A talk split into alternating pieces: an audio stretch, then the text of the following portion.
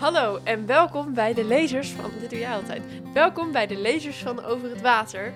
eh, van Boekhandel Over het Water. Wij brengen het gesprek in de boekhandel rechtstreeks in je oren. Ik ben Lot. Ik ben Luc Tepen, medewerker van Boekhandel Over het Water. En ik zit hier met. Lot Doeze. En wie ben jij? Ik ben de eigenaar van Boekhandel Over het Water in de Van der Pekstraat In Amsterdam Noord. in Amsterdam-Noord. En meestal zitten we ook daadwerkelijk in de boekhandel, maar daar zitten we nu niet, of wel? Nee, we zitten nu... eh, ik wil het niet de keukentafel noemen, want hij staat niet in de keuken. maar volgens Luc is het de keukentafel, want we hebben geen tafel in de keuken. We zitten thuis. Ja, inderdaad. En we zitten hier omdat we een beetje improviseren, want Luc gaat morgen op vakantie. Ik ga morgen op vakantie. En dit is het laatste moment waarop wij een podcast kunnen opnemen. En we hebben het al eerder geprobeerd in de boekhandel, maar toen was het te druk. Nou ja, Dan maar nu, hier. Dan maar nu hier. En dank jullie wel dat jullie allemaal massaal naar de winkel kwamen, want dit is ook heel leuk om Ja. thuis te zitten. Dan kunnen we bijvoorbeeld iets warms maken om te eten. Ik ben zo benieuwd hoe dat gaat smaken. En nu moeten wij heel erg lachen, want we hebben het al opgegeten. En we hebben het al gemaakt. Het is al allemaal besproken en dat horen jullie aan het eind. Deze keer bespreken wij onze zomerleestips. ja, Jij hebt een stapel, ik heb een stapel. Ik heb er heel veel zin in. Ik ook. Maar eerst, Luc, wat ligt er op je nachtkastje? Nou, er ligt vooral veel troep op mijn nachtkastje, maar ook het boek Poëzie voor alle dagen. Een bloemlezing van Poëzie is een daad. En wat is poëzie is een daad? Eh, dat is een Instagram-pagina die ik ook al een tijdje volg. Want je had de klant een keer verteld. Shout-out naar de klant. Ik weet je naam niet meer, maar het was een goede tip. Dat is dus een eh, Instagram-pagina van volgens mij drie dichters. Stefanie... Nee, twee dichters en een redacteur. Oh, twee dichters en een redacteur. Stefanie Librex, Joost Ome en Jentel van Stokken. En zij posten dus elke dag een eh, gedicht uit de Nederlandse literatuur. En het loopt enorm uit elkaar. Er zijn hele oude gedichten en gedichten van bundels die afgelopen week zijn uitgekomen. Allerlei verschillende soorten poëzieën. En zij hebben dus nu een bloemlezing gemaakt. En is die bloemlezing dan op dag? hebben ze dan gewoon voor elke dag? Nee, voor elke situatie die je kan bedenken ongeveer is er een hoofdstuk. Oké. Ehm, ik ga niet alle hoofdstukken lezen, maar je hebt natuurlijk de vrij logische hoofdstukken als ehm, voor als je verliefd bent of voor wanneer je kwaad bent. Maar ook bijvoorbeeld voor wanneer je je opziet eh, tegen het familiediner. Ehm, voor als het journaal weer om te janken is. eh, voor als je net een hert hebt gezien. Of voor, als, voor, voor de eerste dag die naar de lente ruikt. Oh, nice. Oh, ik heb trouwens laatst een hert gezien. Dus misschien, eh, ik weet niet, heb je een gedicht gekozen om, om te lezen? Ik, ha- ik had een gedicht gevonden, maar die komt uit een ander hoofdstuk. Maar ik kan ook wel even naar het hert gezien hoofdstuk gaan. Nou ja, zeg het maar als jij denkt, Nou, dan ga ik toch lekker naar de herten. oké.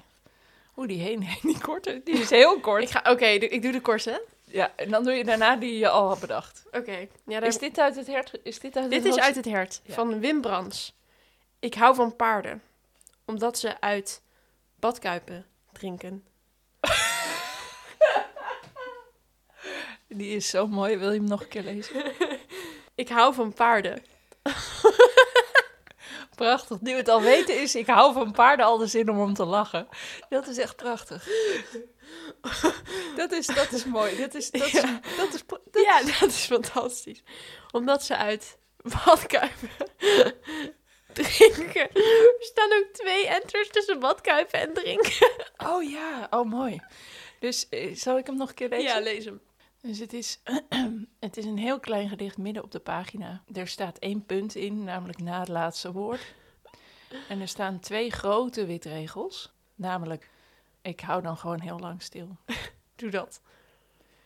Ik hou van paarden. Omdat ze uit badkuipen drinken. Ja, mooi. Fantastisch, Heel- echt heel mooi. Ja. Maar je had ook nog een andere. Ik had ook een, ik had eigenlijk twee, want dan kon ik kiezen. Maar dan wordt het denk ik wel heel veel. Even zoeken. Tenzij die andere ook zo kort zijn. Ze zijn wel allebei niet heel lang, nee. Maar ja, als we ze ook allemaal, allebei drie keer willen lezen, Ja. nou ja, dan wordt het gewoon een hele lange podcast. Dus luisteraar, als dit in je podcast-app een hele lange podcast is, dan hebben wij dus allebei de gedichten drie keer gelezen. Dan weet je dat nu alvast. Weet je dat alvast. Maar het is gewoon een fantastische bundel, je kan niet stoppen. Toch? Dat moet het. Deze komt uit het hoofdstuk voor als je hart gebroken is. En hij is van Ellen Dekwits. Alles nam hij mee. Verjaardagen, thuissleutels, mondwater. Alleen zijn tandvlos staat er nog. Met een stukje draad buiten het doosje. Uitgedroogde tong van aan een boom vastgebonden hond. Mijn lach straalt soms. Een stukje draad tussen de kiezen. Dat ik niet weghaal. Dat de hele dag zacht mijn tong aanraakt.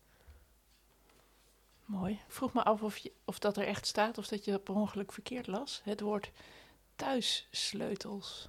Dat staat er echt. Dat is echt zo mooi. Ja, inderdaad. Want ik ging meteen denken, welk thuis dan? Is het thuis waar zij dan samen woonden? Of is dan het thuis waar hij dan eigenlijk zich thuis voelde? Dus dat je dan ook weet, hij komt dus niet meer terug, want hij gaat naar waar hij zich thuis voelt. Of dat zij zich thuis voelt in zijn huis, maar zij heeft de sleutel niet meer. Ja, En dan, dan stel ik ervoor dat ze eigenlijk langzaam elke nacht bij hem ging doorbrengen. En al haar spullen lagen daar. En ineens moet ze weer terug naar haar eigen kale appartement. Waar ook niks meer in de koelkast staat. en, en bovendien had hij zo weinig spullen daar. Wat had hij ook weer? Dus, dus die mondwater, herinner ik me. Ja, hij nam mee Thuissleutels en nog iets. verjaardagen. Verjaardagen, ja. Ja, dat je zo op de verjaardagskalender allemaal verjaardagen moet doorstrepen, omdat die dan bij hem horen. Ja. Of dat, dat hij altijd zo leuk op jouw verjaardag was. En ineens vond je verjaardag niet meer bijzonder. Ja, dat hij, verjaar, dat hij dagen tot verjaardagen kon maken. Ja. Mooi. Zullen we nog eentje doen? Ehm, die is uit het hoofdstuk daarvoor. Namelijk voor als je geen geld hebt voor relatietherapie. Ook een hele, ja, dat is wel heel dramatisch als je geen geld hebt voor relatietherapie. Ja, toch? Ja. Er staat ook bij elk hoofdstuk staat een alinea waarin ze een beetje uitleggen hoe dat hoofdstuk is ingedeeld. En ook al eh, verwijzen naar alle gedichten die langskomen. Maar het heb je nog niet helemaal door totdat je alle gedichten hebt gelezen. Dan snap je waar de referentie naar is. Nice. Deze is van Ankie Pijpers en hij heet Je ogen. Je ogen. Nou, als ik daar je ziel in moet zien, in dat bruin gevlekt groen, in dat trage, in zichzelf verzonken blinken, de schemer van de vennen. Alleen als je lacht, beweegt, dan lijkt het of er een oever is, een houten vlonder. Dan lijkt het of een vis erin, een waterplant, zich gewonnen geven. En er staat dus een waterplant en niet en waterplant. Nee, een waterplant. Dus een vis, een waterplant. Ja. Oké. Het blijft heel, het blijft, het blijft gek. Ik- dus ik merk dat mijn hoofd aan de grammatica hangt. Ik vind deze heel mooi, omdat ze zo... Omdat het zo laat zien dat het, het is niet allemaal over hoop, maar toch weet ze ook niet zo goed wat ze er nog mee aan moet of zo. Ja, ja, er zit een soort eh, voorwaardelijkheid in of Ja. zo. Ja. Het is een hele fijne bundel. Het, eh, het zijn vooral Nederlandse gedichten, maar er zitten ook een aantal vertalingen tussen. Ehm, heel divers. We, we weten allemaal dat de witte mannen vaker een podium krijgen. En hier staan er dus heel veel vrouwen in, heel veel donkere auteurs, et cetera. Nice. Op een gegeven moment, ik heb nu vandaag genoeg gelezen, anders ga ik er sneller doorheen. Ik moet zuinig zijn. Eigenlijk één per dag. Ja, precies. Je moet op rantsoen. Exact. Mooi. Eh, voor alle dagen. Ja. Ja. ja. Jij gaat morgen op vakantie. Ik ga morgen op vakantie. Wat neem je mee? Ja. Nou, goede vraag. Ik neem best wel wat mee. Want jij gaat twee weken. Ik ga twee weken Mhm. naar Letland. Ja, doe maar. Om te beginnen eh, neem ik een boek mee wat best wel bijzonder is. We hebben het niet in de winkel. Ik denk ook niet dat het nog gedrukt wordt. Ik ga namelijk mee ehm, eh, naar het thuisland van een vriend van mij, Letland. Ehm, en diens vader eh, heeft mij een boek uitgeleend. Die zei, nou, als jij van lezen houdt, dit is mijn favoriete boek. En het is dus een hele kleine science fiction pocket. Een penguin, zo'n mooie oude penguin. Ja, Met zo'n ongelooflijk jaren zeventig sci-fi voorkant. precies. Het is van John Boyd. Het heet The Last Starship from Earth. En hij zei dus tegen mij, nou ja, als je met ons mee naar Letland gaat, moet je ook wel echt dit boek lezen, want het is zo'n goed boek en als je van lezen houdt. Ik eh, ben nu op Ben pagina... jij een sci-fi lezer? Niet echt. Dus sci-fi is eh, science fiction, dus dat is eigenlijk eh, fantasy in de toekomst, Ja. zou je kunnen zeggen. Eh, maar je bent dus niet echt een sci-fi lezer. Niet echt. Ik lees het wel af en toe. Ik denk dat ik hem misschien één per jaar lees of zo. Interessant. En wat neem je nog meer mee? Ik neem nog meer mee. Het boek The Perfect Golden Circle van Benjamin Myers. Ehm, die heb ik gekocht. Eigenlijk puur en alleen omdat ik de kaft mooi vond. Het is ook echt een prachtige Het kaft. is een prachtige kaft. Hij is helemaal geel. En je ziet er graancirkels op. Ehm, en Dus op... je ziet ook dat het, het is eigenlijk, het is geel, maar het is een soort gestippeld geel, want het is dus duidelijk een graanveld. Ja, klopt. Ja. En daar, zeg maar, op het veld staan de letters The Perfect Golden Circle. Die hebben ook een schaduw en alles. En in een van de graancirkels loopt een, wat is het, een ram en een hondje rond. Ja, heel mooi. En het is dus getekend. Het is getekend. Ja. Dus je hebt het gekocht vanwege de kaft. Ja, En waar gaat het verhaal over, of weet je het nog niet? nou, ik, ik kijk, de laatste tijd probeer ik niet echt meer de achterkanten te lezen van boeken voordat ik ze begin, want ik vind dat een beetje spoileren. Ehm, Ja, of zo, zo je in een richting duwen hoe je ja, het zou moeten van hoe je het moet, moet interpreteren. Dat vind ik niet leuk. Maar ik heb van deze wel de achterkant een beetje gelezen. Dus volgens mij gaat het over twee oude vrienden die zich op een gegeven moment vervelen in Engeland. En dan besluiten ze om maar allerlei graancirkels en andere dingen te tekenen in het graan. En dan komt er dus een hele internetconspiracy over die graancirkels. En dan is het dus ineens helemaal buiten hun controle gegroeid. Wat zij gewoon deden voor de lol is ineens een soort heel QAnon Illuminati-achtige geïnterpreteerd. Nice, nice. En er staat hier ook nog op de kaft... Like a glass of cool water on a parched summer day. En ik ga naar Letland, dat is een ontzettend landklimaat. Dus daar is het heel warm. Dus in de zomer en heel koud in de winter. Dus ik dacht, eh, nou, dat is fantastisch. Eh, ik denk dat eh, twee jaar geleden mijn favoriete zomerboek ook een boek van Benjamin Myers was. Dat heet in het Nederlands De Onderstroom. En dat gaat over twee. Nee, dat gaat over een jongen. eh, zo een jaar of 16 of zo, dus net iets Mhm. jonger dan jij. Net na de Tweede Wereldoorlog. Hij komt uit een mijnwerkersdorp en die gaat een zomer wandelen door Engeland. En eh, hij houdt zichzelf, onderhoudt zichzelf door steeds een dagje bij een boer te werken. En dan mag je daar ook slapen. En op een gegeven moment komt hij bij een beetje afgelegen huisje. Het is heel warm, dus hij gaat in het gras liggen. En dan wordt hij benaderd door, die, door de vrouw die daar woont. En die zegt, oh, wil je niet, wil je een glaasje water? En zegt hij, kan ik wat voor je doen? En dan nou, doet hij wat in de tuin. Het is zo'n hele mooie zomer. En zoals Benjamin Myers het beschrijft, ruik je ook echt die geuren van zo'n landweg tussen de graanvelden. Of zo'n tuin met van die bloeiende struiken. En, en zij eh, ontwikkelen een vriendschap. En wat ik er leuk aan vind, toen ik het begon te lezen, was ik een beetje aarzelend, omdat ik dacht, oh, dit, is een, dit wordt zo'n liefdesromance tussen een oudere vrouw en een jongere man. En dan... Maar dat is het dus niet. Oh. Er is geen seksuele eh, aantrekkingskracht. Het is puur vriendschap. En wat er eigenlijk gebeurt is, zij opent voor hem de wereld, want zij heeft, zij kan heel goed koken. En ze heeft wijn en laat ze hem proeven en ze leest een poëzie voor. En heel langzaam kom je achter een verhaal dat in haar verleden ligt, waardoor ze zo teruggetrokken leeft. Aha. Wat heel belangrijk is voor het verhaal, maar niet zo'n overweldigende rol speelt. Eh, dus het, het speelt zich de hele tijd onder dat, kom we gaan lekker eten. Oh, wat is het mooi weer. Eh, hij gaat op een gegeven moment in het tuinhuisje wonen en gaat dat opknappen. En, en al die dingen, als je dat Ja. leest op vakantie, dan krijg je nog groter vakantiegevoel, zeg maar. Oh, goed, ja. Dus eh, ja, dus ik, nou ja, ik wil die graag na je vakantie, leen ik hem graag van je. Dat eh, mag zeker. En eh, wat, is je, wat, wat neem je nog meer mee? Ik neem ook bij een audioboekforum eh De Gast van Emma Klein. Ik was er al langer wel even benieuwd naar. En toen zat ik aan het werk in de winkel. En ik was door de klantenrecensie, krantenrecensies aan het bladeren. Toen las ik één recensie van dat boek. En ik dacht, oh, eigenlijk moet ik dit nu lezen. En toen heb ik hem gedownload als audioboek. En toen ben ik in mijn pauze begonnen. En dat is namelijk omdat het een heel erg unreliable narrator is. Dus een niet eh, betrouwbare, Onbetrouwbare verteller. Heet onbetrouwbare verteller. Dank je. We hebben daar gewoon een heel goed woord voor in onze eigen taal. Dank je. Want je moet in je moedertaal lezen. toch? Ja, dit, is, eh, dit haakt naar een artikel van Nicky Dekker in de Groene Amsterdammer. Dat mij werd aangeraden door een klant.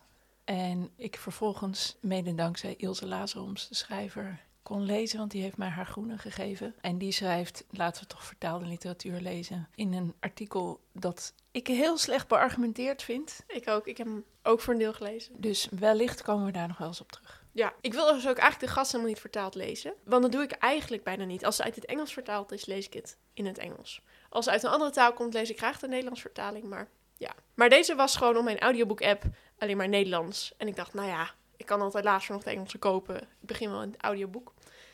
En eigenlijk vind ik het een best wel goede vertaling. En heb ik echt voel ik helemaal alles meekrijg en zo. Het verhaal zelf, ik ben nog niet heel ver. Ik ben denk ik een uur bezig in de tien uur of zo dat het is. Maar ik vind het heel leuk so far. Want dus de hoofdpersoon Alex, je krijgt het verhaal alleen maar mee door hoe zij het interpreteert. Dus je krijgt helemaal geen eerlijke um, vertelling van wat er aan de hand is. Eh, en je leert ook niks over haar, want ze is heel erg. Ehm, oh, het is allemaal, alles is het probleem van iedereen om me heen. Ik doe niks. Ik, ik ben onschuldig. Dus het is alleen maar, oh ja, en mijn huisgenoot heeft me zomaar mijn huis uitgezet. Ugh. Oh ja, en dan, die blijft me maar appen dat ik hem zijn geld moet terugbetalen.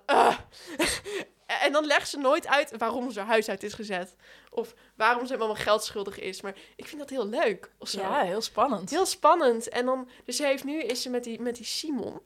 Is veel oudere man, die is een beetje een soort sugar daddy. ehm, zit ze helemaal aan te plakken als een soort bloedzuiger. Ik vind het gewoon heel leuk of zo. Een lekker vervelend personage. Ja, maar ook zonder dat je echt... Ze, ze doet ook niet alsof ze aardig is. Nou ja, ze doet een beetje schijnheilig, maar... Het is ook niet alsof het bedoeld is als zij is eigenlijk leuk of zo. Want ik, kan het, ik vind het heel vervelend als een boek geschreven is met de intentie dat je de hoofdperso dat hoofdpersonage aardig vindt, maar die is helemaal niet aardig. Maar dat is helemaal niet de bedoeling. Het is echt van, maar Emma Klein zegt van, kijk maar eens wat voor bloedzuiger deze Alex is. Nice, nice. Ja, dat zijn fijne boeken, ja. Ja. ja. Ehm, Oh, cool. Dus die neem ik ook mee. Leuk. En heb je dan, eh, als je denkt, eh, je, gaat natuurlijk veel rondreizen in Letland, Mhm. maar als je nou denkt, oké, eh, je gaat op het strand liggen, of je bent eigenlijk veroordeeld tot af en toe een uurtje lezen als je kinderen eindelijk even alleen met een bal kunnen spelen. Heb je dan nog een, een boek waar je zo in kan en dan zo meteen weg bent? Is dat de gast of heb je dan nog... Ik denk dat dat wel de gast is, ja. Want ik zit er dus echt... Ik ben, ik ben nog helemaal niet zo ver. En ik, lees, ik luister ook een hele kleine stukjes eigenlijk alleen maar in mijn pauzes van werk. En elke keer ben ik direct zo, oh ja, ik ben er weer. Oh ja, ja. Ja. oké. Ja. Oké, nice, nice. Want eh, ik heb daarvoor een, ook een aantal tips meegenomen. Ja, jij mag zo echt nog wel even. Oké. Vertel over jouw tips. Ja, eh, eh, ik heb zeker aan het begin van de vakantie heb ik altijd even zo'n indaalperiode. Ja. En dan vind ik het fijn om iets te lezen waar je, ja, waar je echt zo in, waar je meteen in zit. Ja. Ik hoop dat dat dit jaar voor mij gaat zijn. En als ik de eerste paar, ik heb de eerste drie, vier, vijf pagina's gelezen en ik denk dat dat het is. Ik heb een paar vragen voor je van Rebecca Mackay. Ik was, ehm, ik was dus begonnen op ehm, de derde pagina. Eh, en ik was eigenlijk naar de eerste zin, dacht ik, oh, dit is heel spannend. Ik zag de video voor het eerst in 2016. Ik zat met mijn laptop in bed, koptelefoon op, bang dat Jerome wakker zou worden. Het zou misschien lastig uit te leggen zijn. In de kamer aan het eind van de gang sliepen mijn kinderen. Ik had kunnen opstaan om bij ze te gaan kijken, hun warme wangetjes en hete adem te voelen. Ik had aan het haar van mijn dochter kunnen ruiken en misschien had die geur van vochtige lavendel en peuterhoofd me wel in slaap gekregen. Maar een vriend die ik al twintig jaar niet had gezien, had me net die link gestuurd, dus ik klikte erop. Nou, ik, eh, ik ben al. eh, Dat is spannend, ja. het is heel spannend, hè? Het is een maakster van een True Crime podcast de, in het verhaal... die teruggaat naar haar universiteit om daar college te geven... over maken van podcasts of verhalen, dat weet ik niet precies. En die wordt daar aangesproken door een aantal studenten van... hé, hey, wij, willen, wij denken dat de moord die in de tijd dat zij op die universiteit zat gepleegd is... wij denken dat daarvoor de verkeerde veroordeeld is. En zij Oh. eh, had. Ze, ze was daar Ja. in ieder geval uh, zijdelings bij betrokken. betrokken. Ze moet dus met haar eigen verleden, als met die, die true crime eh, fanatici, zeg maar, en dat heden. Ja. En, die, en die zaak die natuurlijk verder niet zoveel met haar te maken heeft, moet ze verder. Ook goed inspelend op voorliefde voor true crime po- podcast, waar ik zelf ook erg van hou. Wat ik er ook nog interessant aan vind, er stond in de recensie van Parool, de kop was zoiets als feministische meta-thriller. Uh-huh. Ja, toen gingen bij mij alle. Want feministisch vind ik interessant, meta vind ik interessant. In ieder geval spannende verhalen vind ik interessant. Dus ik ben hier heel benieuwd naar. Ja. eh, Rebecca Mackay heeft een stralende toekomst ge- geschreven. Iets minder makkelijk in te komen, maar wel heel erg fijn. Zeker als je naar Frankrijk op vakantie gaat, is Luister van Sascha Bronwasser. Dit is haar tweede roman en het is heel interessant in vorm. Het is een ik-verteller, maar die vertelt het aan iemand. Dus ja, Ah. er wordt steeds een je aangesproken. En je komt er pas heel laat in het boek achter wie die je is. Eh, ze begint eigenlijk door te zeggen van... ja, ik heb... Eigenlijk zegt ze, ik heb een appeltje met je te schillen. Oh. Ehm, maar om dat goed te kunnen uitleggen... moet ik je eerst het verhaal van iemand anders vertellen. En dan begint ze dus over een totaal... in eerste instantie ongerelateerd iemand een verhaal te vertellen. Dat stuk vind ik echt fantastisch. Verder leest het leest heel lekker. Het zit eh, ingenieus in elkaar, althans dat staat in alle recensies. en ik ben het daar gedeeltelijk mee eens en gedeeltelijk niet mee eens. Ik snap dat ze dat zeggen, maar het is een, een manier van plotten die ik al eerder heb gelezen. Dus ik Oh had ja. vrij snel door van, oh ja, dit zit natuurlijk zus en zo in elkaar. Eh, maar ik denk dat er nog een twist in zit die ik eigenlijk nergens heb teruggelezen. En die ik wel eigenlijk zo leuk vind dat ik eigenlijk had gehoopt dat ze die nog net ietsje... Het hoeft niet heel erg, maar je, je leest hem nu heel erg tussen de regels door. En ik denk dat er helemaal de laatste zin er naartoe hint. Maar het zou leuk zijn als dat net iets sterker duidelijker. aange- Ja. aangezet was. Dan zou het denk ik ook, dan zou het namelijk net ook nog iets meer zeggen over wat literatuur is. En nu is het vooral een heel mooie vakantie. Ik heb ook het Woud van Beernam meegenomen van Eleanor Ketten. Zij is eh, schrijfster van de door veel mensen als zeer ingewikkeld ervaren roman Al wat schittert. Dat vond ik een schitterend boek. Dit vind ik ook heel goed, maar dit is veel toegankelijker. Sommige mensen vinden het zelfs te toegankelijk. Die snappen eigenlijk niet zo goed waarom dit literatuur is. Het begint met dat ze een groep mensen introduceert van een guerrilla-tuinvereniging. In Nieuw-Zeeland speelt het zich af. Die op braakliggende terreinen ehm, in bermen en zo proberen een soort van voedsel te kweken. Die krijgen door een rare samenloop van omstandigheden... krijgen ze van een Amerikaan, een Amerikaanse multimiljonair, heel veel geld aangeboden. En dat leidt tot een, vind ik dus echt geniale... ehm, linkse discussie over linkse idealen, hoe je omgaat met kapitalisme, hoe je omgaat met al, al je idealen van inclusiviteit en diversiteit. Als je iets geheim moet houden, kan je tegen mensen blijven zeggen: ja, maar we hebben heel veel geld aangeboden gekregen, maar we moeten toch blijven sappelen of niet? Ja. Het interessante is, ze introduceert alle personages eerst vrij uitgebreid, met vrij letterlijk te zeggen wat ze voelen en wat ze van iedereen vinden. En toen dacht ik, hé, dat vind ik een beetje plat. Ja. Maar vervolgens gaan die mensen allemaal met elkaar interacteren. En dan eh, benoemt ze dat helemaal niet meer. Maar dan heb je dus al die achtergrondinformatie. En dan denk je dus dit. Oh ja, maar die zegt dit, want hij bedoelt er eigenlijk dat mee. Ah. Oh ja, maar zij zegt dit, want ze bedoelt er eigenlijk dat mee. En dat, dat is natuurlijk hoe mensen in het echt ook opereren.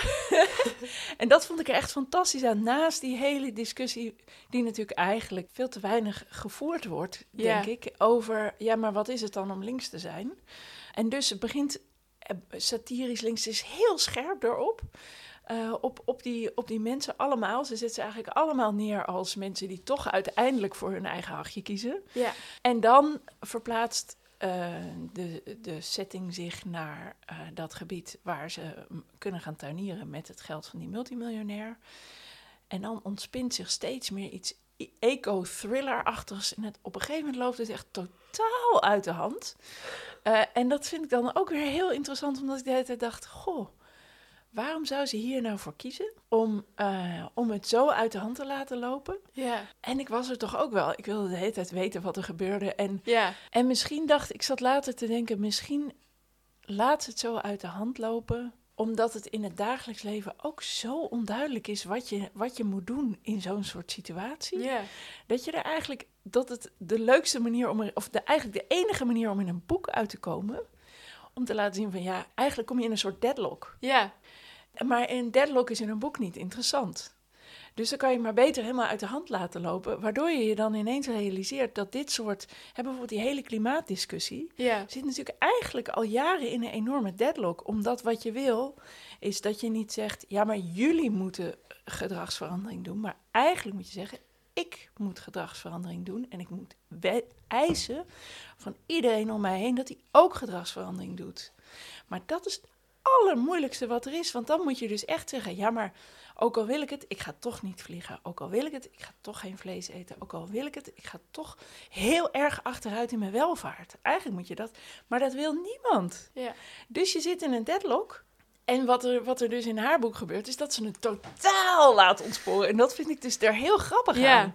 Omdat, ja, Ja. om, ze, is- eigenlijk versnelt ze dat waar we, waar we allemaal heel rustig op afleven, om het maar even cynisch te zeggen. Dus voor als je wel iets wil wat heel leesbaar is, wat je dus ook gewoon als spannende eco-thriller kunt lezen, je kan het ook op het maatschappelijke veel meer lezen. Jij hebt natuurlijk nog je ultieme Mijn tip. ultieme tip. ja, je ultieme tip. Dit is, dit is echt op dit moment even mijn favoriete boek, denk ik. Als je me ooit in de boekhandel bent tegengekomen of je hebt ooit naar de podcast geluisterd, dan ben je wel bekend met mijn favoriete boek, De Bomen van A. Alberts. Nou hebben mijn, eh, de, de Slayers bij Dasmag eh besloten om nog een boek van Alberts eh heruit te geven, namelijk De Eilanden. En ik vind hem denk ik nog wel beter dan De Bomen. Oh, wauw. Wat echt heel grappig is, want er gebeurde precies hetzelfde bij het lezen van de eilanden als bij de bomen. Dat jij de hele tijd tegen me zei, "Hm, ik weet niet of ik het zo goed vind. Nou, ik geloof toch niet dat ik het zo goed vind. Nou, de bomen was al wel beter. Nou, en ineens, en dit was bij de bomen net zo. Volgens Ja, mij heb je ja. tot drie kwart tegen mij gezegd, ik, ik vind het geloof ik niet goed. En toen hoorde ik van een klant, Oh ja, Luc vond de bomen heel goed, hè? En ik dacht, huh? hoezo? Ja, het, het zijn die boeken die je pas zeg maar in de laatste misschien tien pagina's of zo. En het was van, oh. Maar dat kan ook, want het zijn niet dikke boeken. Het zeg maar 180 pagina's of zo. Dus het is niet dat je door 300 pagina's moet vechten terwijl je niet leuk vindt. Maar wat, wat, wat namelijk eigenlijk het probleem en tegelijkertijd het geniale is, is dat hij alles wat je verwacht en alle re- regels, dus aanstekens van de literatuur en alle standaard dingen, alles lapt hij allemaal aan zijn laars. En daardoor weet, ben je eigenlijk machteloos als lezer. Want je weet niet wat er gebeurt. Je kan niks meer voorspellen. Je, je snapt het niet. Dat vind ik heel knap. Dat hij dat gewoon doet. En dat je, dat je ook nog meegaat ook. Dat je zo, oké, Ik blijf wel even ik hangen. blijf wel even hangen. Ehm, en waar hij dat dus in de bomen doet door je eigenlijk helemaal niks te vertellen. Niks aan interpretatie, niks aan context. Doet hij dat hier enerzijds weer heel erg. Dus het zijn allemaal korte verhalen. Maar ze ge- gebeuren allemaal wel op ongeveer dezelfde plek. Met ongeveer dezelfde karakters. Maar dat duurt ook even totdat je dat doorhebt. En hij doet het dus hier doordat het volledig volstrekt onverwachts is wat er gebeurt. Dus er gebeuren geen grote dingen, maar dus, er is één verhaal, dat is misschien 20 pagina's. En hij wordt uitgenodigd om te gaan eten bij de koning. Ineens, weet je ook best wel, oké, sure. Dan komt hij bij dat paleis. Dan, is, dan zegt eh, degene die daar is, zegt, oh ja, eh, de koning is vandaag niet in dit paleis. We gaan alleen maar in het paleis eten. En dan is het hele paleis is ingestort, behalve één kamer. En dan gaan ze dus in, die- in, ook in een van de ingestorte ruïnes zitten. En iedereen doet zo volstrekt gewoon normaal als dat dit het paleis van de koning is. En dan is het verhaal afgelopen. En dan ga je weer naar iets heel anders. En je zo, hè? Wat heb ik nou gelezen? Oh, wat, oh, wat fascinerend. Ja, en waar het uiteindelijk ehm, een beetje over gaat, is, eh, of hoe ik het geïnterpreteerd heb in elk geval, het, speelt zich dus af in, in Indonesië, toen het Nederlands-Indië was. Uit de ogen van een Nederlander die daar als, ehm, ik weet niet precies wat zijn functie is, maar hij moet iets controleren of iets in de gaten houden of zo, daar werkt. En hij voelt zich eigenlijk gewoon volstrekt gedesoriënteerd. Want hij is daar voor misschien een jaar of anderhalf. En hij leert die mensen wel kennen, maar die mensen nemen, hij, hij, hij hoort er wel echt niet bij. Um, en iedereen houdt hem op een afstand, want hij is natuurlijk de Nederlander die daar ineens binnenkomt. En hij, hij heeft ook allemaal vooroordelen over hun, maar weet ook niet hoe hij daarmee om moet gaan. En hij is helemaal die jungle niet gewend. Dus hij voelt, hij voelt zich ook heel erg vervreemd daar. Maar jij voelt je ook heel erg vervreemd, want het- je, je snapt ook niet wat er gebeurt.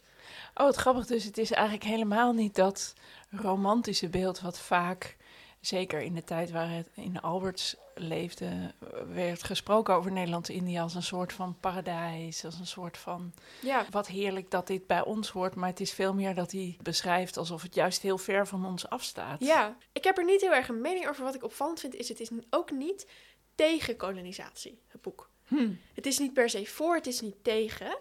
Zou je het een registratie noemen? Ja, dat denk ik. En hij voelt zich wel heel erg. Hij voelt zich ook wel echt beter dan de Indonesiërs. De hoofdpersoon, hè? Hebben ja, de hoofdpersoon. over, ja. inderdaad. Ehm, maar tegelijkertijd denk ik dat, dat het gewoon inderdaad een soort registratie is van de Nederlanders die daarheen gingen. Of in elk geval deze Nederlander. Want Albert heeft zelf ook ehm, in Nederlands-Indië gewerkt. Dus wat dat betreft ben ik van, oh ja, het, het is niet helemaal politiek correct.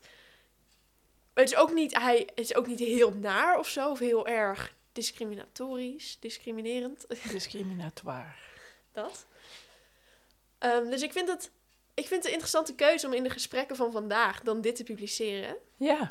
Albert is natuurlijk al heel lang dood. Ja, Iedereen, denk ik, die nu dit boek oppakt, die weet dat dit niet meer is zoals Ja. we daar nu naar kijken. En dat die kijk altijd al Ja, niet klopt. klopte. ja. Ik vind het ook juist een soort, ja, een soort registratie gewoon van hoe het vanuit deze persoon, deze, deze witte Nederlandse man, daar was. Maar en, en En- dus zonder dat, Ja. dat romantische sausje. Ja, zeker. Ja. Dat je ja, juist zou kunnen zeggen dat ook in dit boek hij toch wel een beetje pleit tegen de kolonisatie of zo. Want hij heeft echt wel door dat hij daar niet hoort. En dat die Hm. mensen hem daar helemaal niet willen. Hm. En ik Ja. moet ook zeggen, er staat dus nergens op dat het over Nederlands-Indië gaat. En ik denk dat ik het ook echt pas bij het tweede verhaal zelf door had. Of zo. Of ik had wel door, we zijn niet in Nederland, we zijn in het buitenland. En dan had je ook door dat de verhoudingen tussen hem en de, en de lokale bevolking een, eh, een, een ongelijke machtsverhouding zijn? Ja. Oh ja. Dus, dus je zou eigenlijk kunnen zeggen, het is toepasbaar op alle kolonisatie. ja. Eh, het is een- eigenlijk een kolonisatieverhaal veel meer dan een verhaal over Nederlands-Indië per se. Zeker, ja.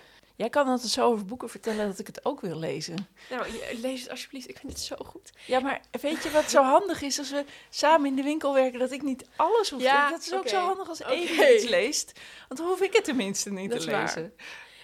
En wat ik er ook nog over wil zeggen, in het laatste verhaal keert hij weer terug naar Nederland.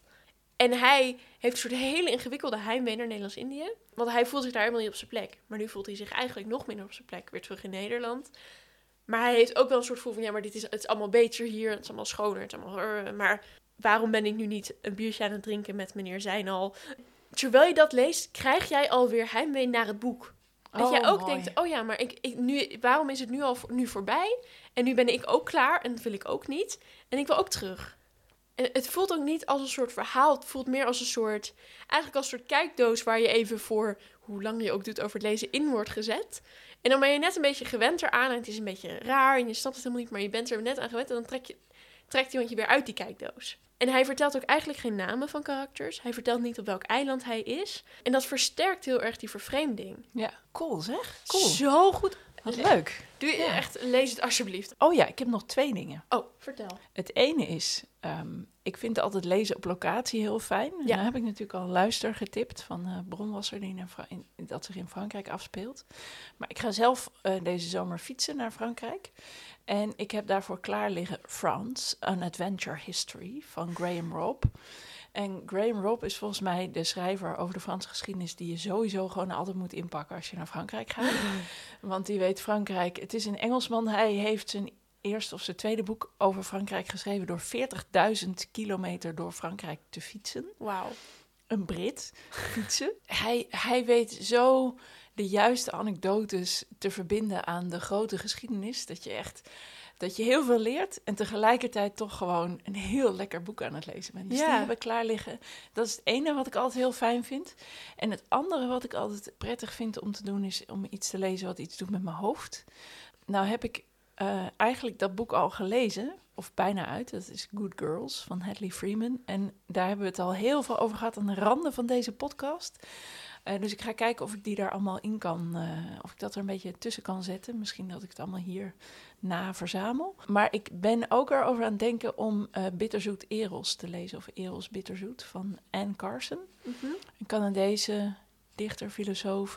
eh, en ze schrijft dus over de liefde, eh, over verlangen, over seksualiteit, seksueel verlangen, misschien meer, beter gezegd. En dat dat dus niet alleen maar die roze wolk is, maar juist altijd bitterzoet. En waarom dat bij elkaar Ah. hoort. En wat ik, ik heb er een, een, een beetje in zitten lezen.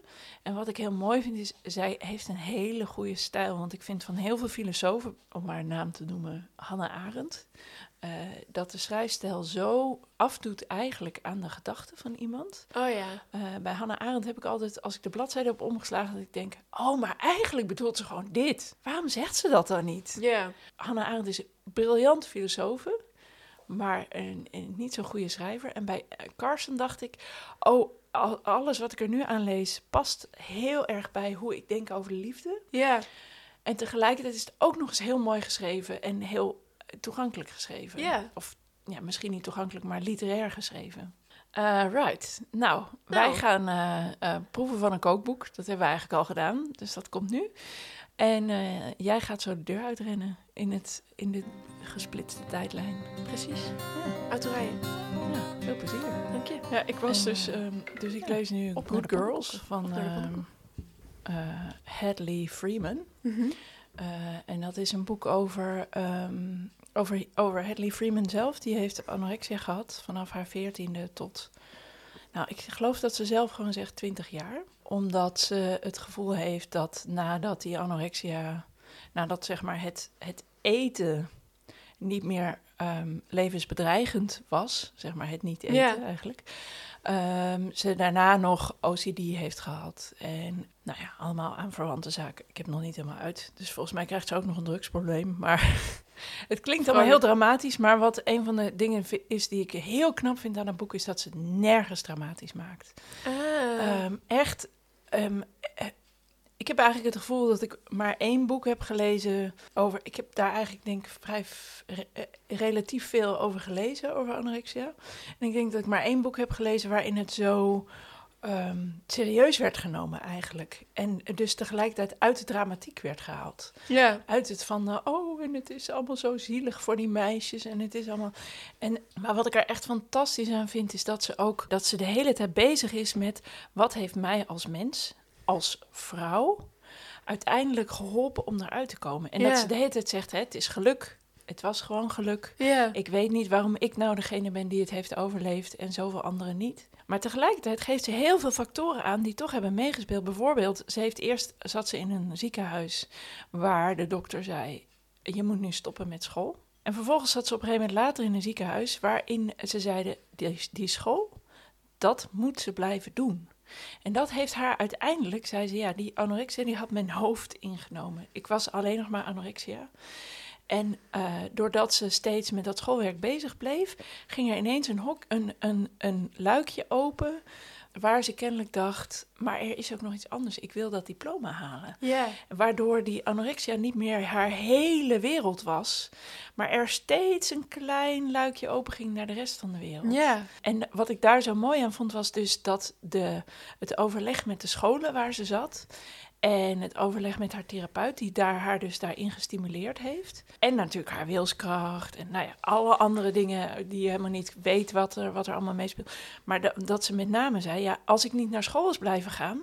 En ze had iemand anders gesproken die dat ook had. Als ik niet naar school is blijven gaan, dan was dit niet gelukt. Ja. Want dan bouw je, je ook niks... geen, geen uitweg of zo. Dan heb je niks om je af te leiden. Niks. Precies, dan heb je niks om je af te leiden. En toen dacht ik, ja, dat is zo'n pleidooi om ervoor te zorgen dat eh, jongeren die heel moeilijk zitten in hun leven, Ja. dat die wel eens een soort van eh, dat, dat lijntje nog hebben. Ja. Dat vond ik een van de, van de waardevolle. Maar het is echt een heel waardevol boek, omdat het zo erg gaat over. Ze ontmantelt ook eigenlijk al die uniforme theorieën over waar de anorexia door komt. Dat het door de modewereld komt, dat het door social media komt, dat het door. Eh, nou, dat het genetisch is, of dat het zus, of dat het gaat om dun worden. Ja. Ik vind het dus Ja, echt een cool. fantastisch boek. Cool. Ja. Eh, maar goed, we hadden het eigenlijk natuurlijk over de pannenkoeken. Wij gaan proeven uit een kookboek. Dat kookboek is Zoet Genoeg van Alison Roman. Mhm. Ik heb daar pancakes uitgemaakt. De perfecte pancakes, zelfs volgens Alison Roman. Ehm, Spannend. ja, kijk, ik geef jou er vast, ik bied jou er vast één aan. Je zou kunnen zeggen, er zijn genoeg pannenkoekrecepten. Waarom zou je nog een nieuw pannenkoekrecept willen? Overigens, eh, Luc vraagt zich nu af hoe ze haar pannenkoek moet beleggen. Dit is het beleg volgens Alison Roman. Boter, ahornsiroop, maar dat hadden we niet, dus het is maple syrup. En, en zout, zeezout. Eh, dus Rome, eh, Alison Roman, eh, die geeft het recept voor de perfecte pannenkoeken.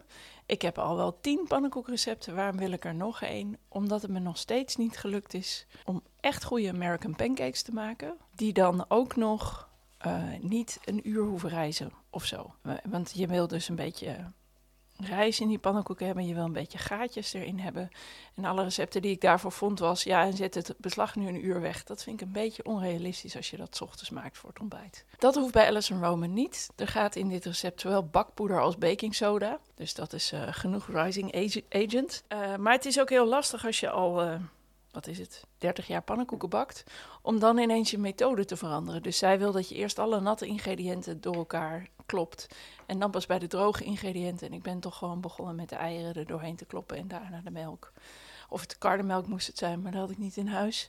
Dus het werd melk aangezuurd met citroen. En, eh, nou, en, dan, eh, en dan bakken. We bleken ook niet heel veel gewone bloem meer te hebben, dus het is volkorenbloem geworden. Maar zelfs dan, want bij volkorenbloem moet je meestal wat extra vocht toevoegen. Zelfs dan vind ik het een heel waterig beslag. Want het zijn dus vrij grote pannenkoeken geworden, omdat ze heel erg uitliepen. Terwijl ik gewend ben van wat ander beslag voor American pancake-achtige pancakes, dat, ze heel, dat het van die blobjes worden, zeg maar. En toen heb ik in het recept zitten kijken. De hoeveelheid vocht die erin gaat is echt veel groter dan ik gewend ben. Dus ik doe ongeveer normaal gesproken. En ik maak dan dunne pannenkoeken. Dus gewone Hollandse pannenkoeken. Eh, eigenlijk wat ik bak is meestal tegen het flensje aan. En dan doe ik meestal op 100 gram bloem één ei. En ongeveer 100 milliliter vocht, meestal ietsje minder. En zij doet op zeg maar 300 gram bloem, het is 290 Amerikaans recept, dus met cups en zo omgerekend. Eh, daar doet ze eh 560 milliliter karnemelk en twee eieren. Dus dan heb je op, eh, dan heb je dus iets minder ei, maar wel veel meer vocht. En ik vraag me dus nu af of dat een foutje is in de vertaling. Omdat ik, nou ja, ik heb het, het Amerikaans niet gezien.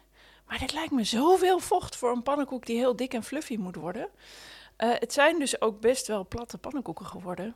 Ze kwamen wel wat dikker uit de pan, maar daarna, oh ja, dat is ook nog interessant. Daarna zegt ze, je kan ze warm houden op het bakrooster in de oven. Dat heb ik gedaan. Ik heb zelf altijd geleerd van mijn moeder en die had het weer van haar moeder om de pannenkoeken op een bord.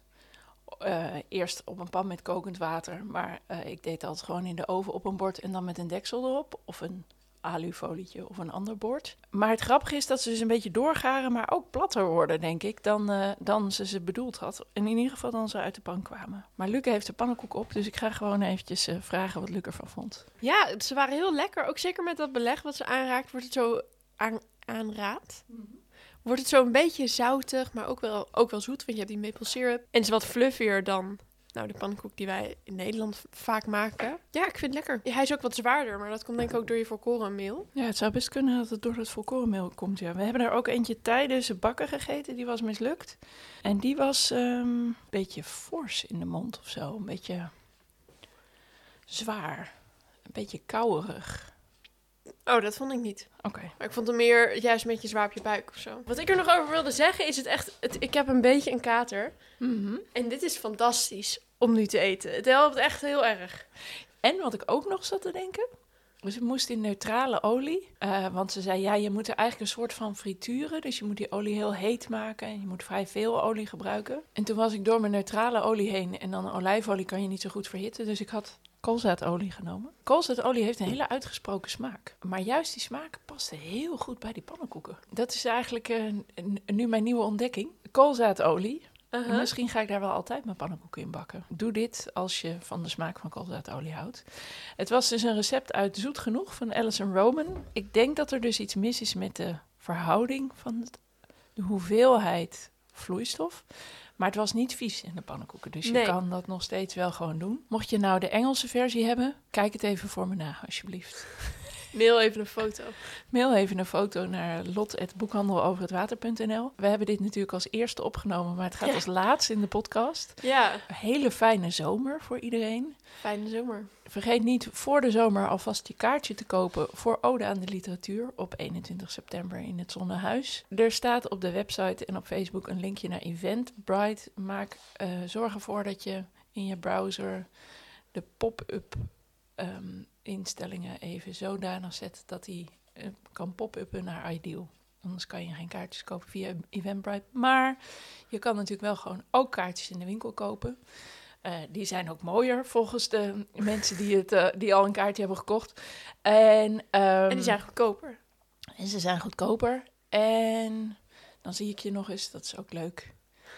We zijn wel dicht van eh, 30 juli tot en met 8 augustus, 7 augustus. En Nou in ja, juli en augustus zijn we op alle maandagen dicht. Juist, ook Dus jullie moeten nog. mij even missen. Ja, maar je bent er niet op maandag, maar wel op andere dagen. Wel op andere zomer. dagen, dat Ja. is waar. Ja, dus tot ziens in de Van der Pekstraat in Amsterdam-Noord.